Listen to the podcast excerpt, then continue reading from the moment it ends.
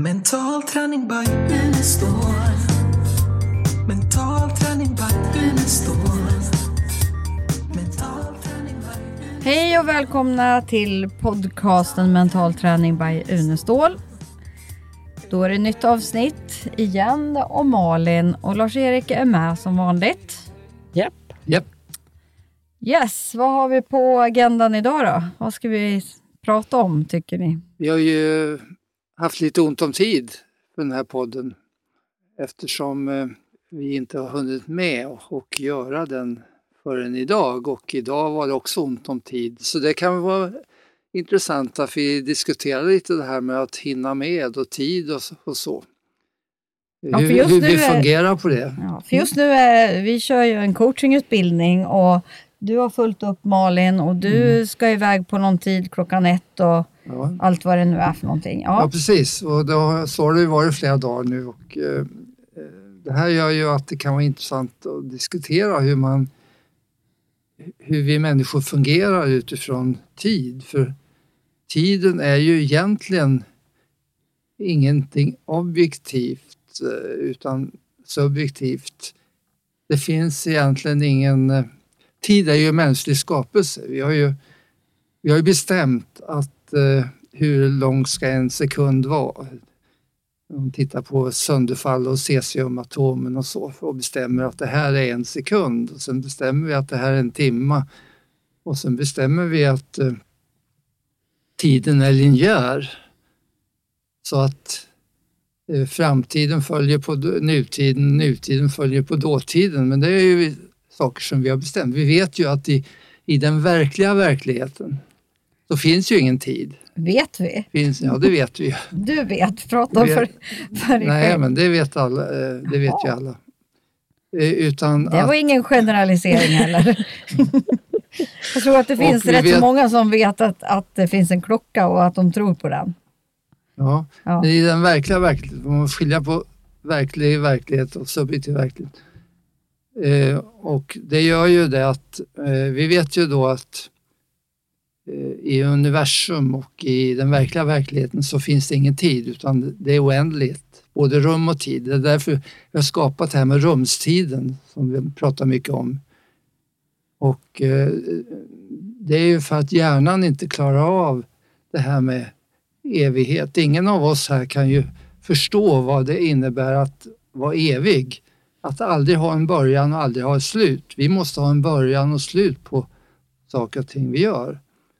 Och därför har vi då, för att få ordning på tillvaron, så har vi skapat tiden. Så att eh, en orsak kommer före verkan. Vore det tvärtom så skulle det vara kaos om verkan kom före orsaken. Så vi behöver den här linjära uppdelningen av tid för att kunna fungera. Men samtidigt vet vi då att eh, tiden upphör, till exempel när eh, man når ljusets hastighet. Så när man kommer upp i ljushastighet finns det ingen tid längre. Och eh, vår vän här, Jan Pilotti, jobbar ju med, som både är läkare och kvantfysiker, han jobbar ju med eh, teorin om att det finns hastigheter som är högre än, större än tiden, eh, än ljuset. Och det innebär ju att kommer man upp i hastigheter större än ljuset, då kommer tiden att gå baklänges. Och då, då försvinner ju hela vår tillvaro som vi har byggt upp. Så. Men vi, nu får vi väl hålla oss till den här Jag vet inte, jag har inga tiden. kommentarer på det du säger för jag, är knappt inte, jag fattar inte ens vad du pratar om just nu. Nej, men, eh, Hur skulle vi kunna Jo, använda det du pratar om i den här verkligheten med våran Jo, vanliga vi klocka kan, då? Vi kan titta på till exempel hur vi fungerar utifrån den här subjektiva tiden då. Och hur mycket av, eh, till exempel när vi har stresshanteringskurser så ser vi ju hur många människor eh, lider av stress därför att det är tiden som eh, orsakar stress. Man hinner inte med. Och där fungerar vi olika. Jag menar, du fungerar ju nästan bättre om du har ont om tid. Ja, jag presterar bättre. Ja, Eller jag Så väntar tills det precis så jag ska hinna bli klar med det jag ska göra. Då, då, då tycker jag att jag presterar bäst. Mm, och jag har lite av det också. Eh, men Lite. det var väl en underdrift. Nej, men det är, det är ju väldigt skönt för att det innebär ju att även om ni nu hade väldigt ont om tid här och så var det väl ingen av oss som kände oss stressad för det.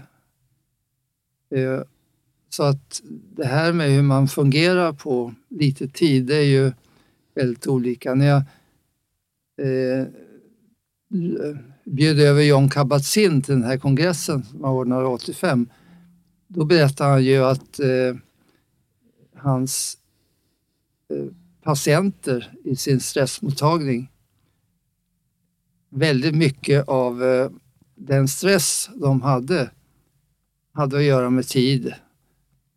Eh, att inte hinna med allt som lades på och så vidare. Och det är därför han byggde upp mindfulness utifrån att få bort stressen av framtiden, få bort stressen av det förflutna och kunna leva mer i nuet för att minska stressen. Så att, här är vi väldigt olika. Menar, i, vi kan ju kalla våra länder för tidssjukeländer egentligen jämfört med jag brukar kalla dem manjana-länderna. De som ser annorlunda på tiden tar det som det kommer och eh, inte blir stressade för att man inte hinner med någonting. Ja, kommer du ihåg Indienresan? När vi åkte den där bussen och vi skulle in i den där lilla två, eh, tvårumslägenheten, 50 personer och titta på deras eh, toalett som de tyckte var fantastiskt att de hade i sin lägenhet. De som var guider åt oss, kommer du ihåg det? Mm. Det skulle ta typ en halvtimme. Det tog väl fyra timmar innan alla hade kommit ut därifrån. Och vi skulle ju åka från Goa till, eller vi skulle åka till Goa va? var det väl.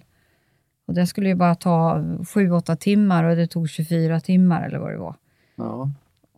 Ja, det vi var ju rätt så, många var ju upprörda medan guiderna tyckte att, ja men vad spelar det för roll?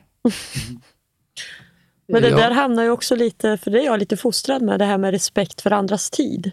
Och det är ju det, det momentet som kommer in, om man nu ska vara lite manjama och hit eller dit. Men då hamnar det lite hos mig också hos att respekt för de man har committat något med. Att, eh, så det ja, blir... det går i varandra Mm. i, i våra länder. Då. Mm, Jag var ju väldigt förtjust i Brasilien under många år. Och eh, bland annat just för det här manjana-stilen. Och, eh, Akshain, eh, en, en god vän som var psykiater och som vi hade mycket tillsammans med. Han, eh, jag fick vänta på honom en hel del i samband med att vi skulle bort och så. Till sist eh, påpekade jag för honom att eh, han alltid kom för sent. Då, då frågade han mig, vet du vad som är det mest neurotiska här i Brasilien? Det som betraktas som det mest neurotiska? Nej, sa jag, jo det är att komma i tid.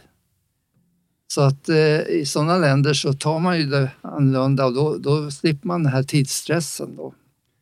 För att det är ju väldigt olika hur man upplever tid. Mm. Den här subjektiva tiden är ju väldigt olika. Jag brukar säga att beroende på vilken sida av toalettdörren man befinner sig så upplever man verkligen tiden olika. den, den är bra, den har jag inte hört förut. Men jag kan imponeras av Helene som har så pass mycket hela tiden. Du är ju väldigt duktig på att komma och vara i tid. Eh, ja, alltså när andra väntar på mig så vill då... Och när man har kurser och utbildningar och så, då vill, då vill jag komma i tid och, och sådär. Jag tycker alltid du är i tid. Ja, jag blir ju bättre på det med åren. Mm, ser. Men det här med stress och tid, det är ju, vi talar ofta om stress i samband med att man inte hinner med och eh, är överstimulerad. Men stress kan komma lika gärna när man är understimulerad. Mm. När man har för mycket tid, när man inte har tillräckligt att göra. Det blir tråkigt. Där är ju arbete viktigt för hälsa. För Ja, om du ja. Mm. inte har ett arbete och det, då blir det ju stress som du Men är säger. inte du lite så Lars-Erik, att du sätter igång massa projekt för att med allt möjligt för att du tycker det är lite Ja, småtråkigt. det jag tycker är stimulering och, och Ja. då fungerar bättre. Att, eh, så att det, det, Frågan vi är hur omgivningen fungerar då. ja, men det, här med, De är på tå. det här med tid och hälsa är jätteintressant. Mm. Eh, Och det gäller inte bara stress utan eh, jag besökte på 90-talet eh, Stanford-universitetet i USA och eh, bland annat Philip Zimbardo som var professor där. Och han hade börjat syssla med tid och hälsa. Eh, och sen skrev han den här fantastiska boken som är det kanske mest kända när det gäller tid, The Time Paradox.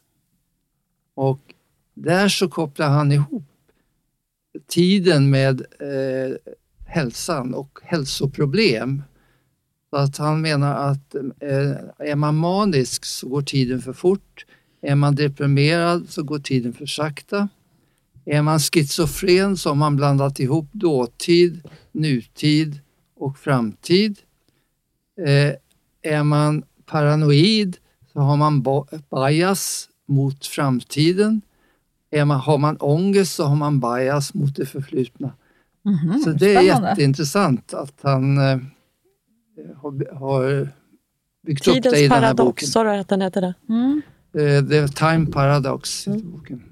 Som, Spännande. Mhm. Den har jag inte läst. nej. Har du den? Ja, jag tror jag har den någonstans. Mm. Men det där kan man komma på sig ibland också, att man omedvetet har bestämt sig för en tid man ska vara klar och så är det egentligen inget viktigt utan man bara har bestämt att ja, Ja, jag ska vara klar då för jag brukar vara klar då så det är skönt och så har jag mer tid där och så bara varför då? precis. Så man får ta upp det medvetet och gå ett varv och lugna ner sig. Ja, och det gör ju i våra kurser då i stresshantering så ingår ju förstås tidsplanering, eh, time management. Det är en viktig del i stresshantering. Och där, eh, där du säger nu, det, det, vi har ju en liten modell som inte vi har gjort utan som finns då. Där man delar upp saker i det som är bråttom och inte bråttom och det som är viktigt och inte viktigt. Det visar det sig ofta att man gör saker som är bråttom Mm. trots att det kanske inte är så viktigt och sparar saker som är viktiga trots därför att de inte är så bråttom. Mm. Så det är en, eh, en utav de här tids... Men det där behöver man se över ibland. Mm. Alltså. Ja. Absolut. Eh, Sen eh, är det ju intressant med tid eftersom den subjektiva tiden har med vår medvetande att göra. Och när vi talade om medvetandet och mental träning i tidigare poddar så nämnde vi lite, tror jag, om att också tidsupplevelsen förändras i, det- i, i den mentala träningen. Att Mm. Man kommer närmare den här verkliga verkligheten i mental träning där tiden upphör att existera. Eh, och det är inte bara i mental träning utan i andra eh, alternativa medvetandeformer, Mm. till exempel sömnen. Och flow. Ja, i flow också. Då existerar inte tiden utan lever man i nuet. Och i sömnen, vi brukar ju ibland fråga våra kursdeltagare eh, Har ni sovit bra i natt? Ja, säger de flesta. Och nästa fråga är ju då, hur vet du det? Därför att när man sover, det är ju ett alternativt medvetandestånd. Då vet man inte om att man sover. Och då existerar inte tiden heller. Och det gör då att eh, eh, vår eh, vän och som vi samarbetar här med som är chef för sömnlabbet på universitetssjukhuset. Eh, hon brukar säga att eh, människor som klagar över att de inte har sovit på flera veckor får komma in och bli undersökta. Så visar det sig att eh, de kan sova flera timmar men ändå säger de på morgonen att jag inte fått en blund i ögonen, jag har inte sovit en enda minut. Och orsaken till det tycks vara att när man sover vet man inte om att man sover. Och då kommer man inte ihåg det. Det man kommer ihåg på morgonen det är de tider man har legat vaken. Och då tror man att man har legat vaken hela natten. Så där är det intressant då hur, hur tiden försvinner i, i, i alternativa medvetandeformer, typ flow och typ sömn. Men det andra är ju att vi kan fast, med hjälp av mental träning kan fastställa tiden exakt. Vi har gjort experiment, du har varit med på det Lene, jag har gjort det med dig faktiskt. Och, och Ja, har du har experimenterat hej vilt med Ja, mig. när men du har fått visa efter. det. Och eh, eh, ett sånt experiment vi gjorde i samband med en, en eh, kurs, tror jag det var rätt många deltagare eller åskådare, det var att du fick gå ner i självhypnos och sen fick du en instruktion som du inte skulle kom- komma ihåg. Och det var att du eh, en minut eller tre minuter och 21 sekunder tror jag det var efter det att du hade slagit upp ögonen så skulle din högra hand vidröra ditt öra Det kommer jag ihåg. och eh, eh, du skulle alltså inte komma ihåg att du har fått den instruktionen. Och alla i, i salongen var väldigt spända. Vad händer nu? Och sen när du eh, hade slagit upp ögonen och sen exakt efter 3 minuter 21 sekunder så höjde du armen och rörde ditt högra öra. Och när jag frågade då, vad gjorde du nyss? Jag gjorde ingenting. Så att du visste inte om att du höjde armen. Det var alltså inte medvetet att du höjde armen utan det var, det var eh, en programmering som var så exakt tidsmässigt. Och det gäller bara i, i mental eller i ett alternativt medvetstånd, typ hypnos eller mental träning. Därför att om jag, om jag ber dig eller någon annan, säg till när det har gått tre minuter och 21 sekunder, då missar man det väldigt mycket. Vi brukar fråga, för att illustrera det här, brukar vi fråga människor, säg till nu när det har gått en minut. Och en del, räck upp handen då. Sluta ögonen och räck upp handen när det gått en minut. En del räcker upp handen efter 20 sekunder och en del efter två minuter. Så stor skillnad är det när man ska, ska uppskatta hur lång tid som har gått.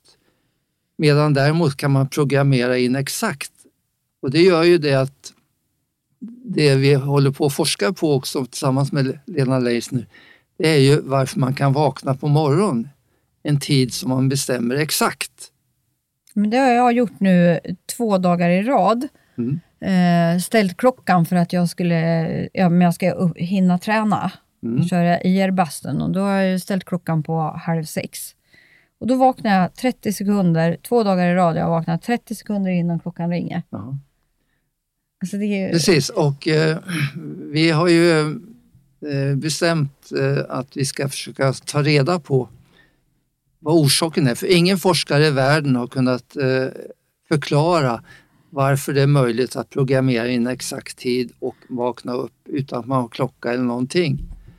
Och eh, vi har gjort det första experimentet med dig en, men det är bara en natt.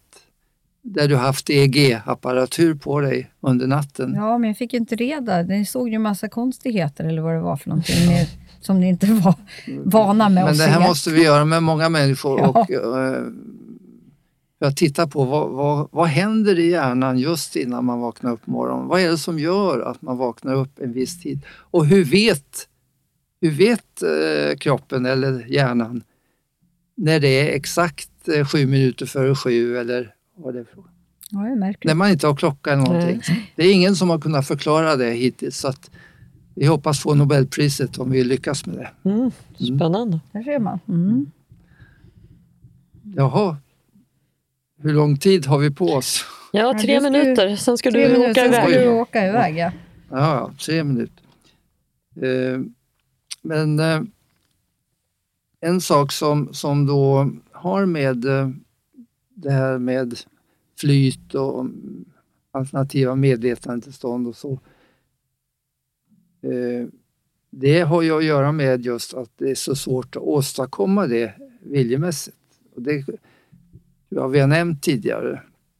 Att ska man uppleva en sån här tid, tidlöshet som flyt är, att när man lever i nuet, eh, så måste man hitta metoder för att få det att hända. Man kan inte säga att nu ska jag uppleva flyt, för då händer ingenting. Men flyt där man lever i nuet, det belyser ju det här som vi har nämnt i mindfulness, att nuet egentligen inte finns. Den här uppdelningen av tiden som vi gör, det som har varit dåtid, det som är nu och framtid, det finns ju egentligen inte därför att eh, framtiden går över i, i, från det förflutna på en gång. Det är ingen mellanrum där mellan, fram, mellan dåtid och framtid. Utan det är ju bara en, en skärningspunkt. Och det tror jag... eh, Men då, haft- då är vi i framtiden hela tiden då? Eller vart Nej, vi vi? lever i eh, den här skärningspunkten som blir en process då. Vi kallar det för Limboland. nuet. Limboland. Jag är både bak och fram och upp till. Ja, Mm. precis. Men eh, det är ganska intressant då när man ska eh, minska stressen för framtiden genom att leva i nuet så blir det ändå en, en process där man rör sig mot nuet, rör, rör sig mot framtiden eh, men utan att uppleva stressen av framtiden. Så det, det är en viktig del både i mindfulness och i mental träning att kunna ha en framtid eh, med mål och så utan att uppleva att det stressar mig i nuet. Eh, och det jobbar vi mycket med, att hitta bra metoder för det. Och det här med programmering som vi Mm. har nämnt några gånger, det är ju en sån metod där man kan leva i processen, leva i nuet och ändå är på väg mot framtiden och framtida mål. En skönare Mm. resa till målet alltså. Ja. Och då blir resan det viktigare. Spännande. Jaha. Ja, Mm, nu Kort har du inte tid längre Lars-Erik. Din tid är ute. 20 Eftersom vi inte det. hinner mera. Nej, vi hinner inte mer. men tiden finns ju inte så du kanske kan ändra på tiden. Vi kör ett tag till. Ja, eller hur? Nej. Nu måste jag sticka. Måste jag hasta? Där Nej. vi. Det Ja. finns inga måsten, det får vi väl komma tillbaka till. Nej, Nej. och ingenting är, Nu vill jag sticka. Ja, nu och vill ingenting du. är om, Ja. omöjligt. Men då säger vi tack och hej till er som lyssnar och så hörs vi nästa vecka. Och har ni Ja. några frågor så skickar ni in dem till fragor1unestål.se. Hej då! Ha det så bra. Hej hej. Hej hej! Mental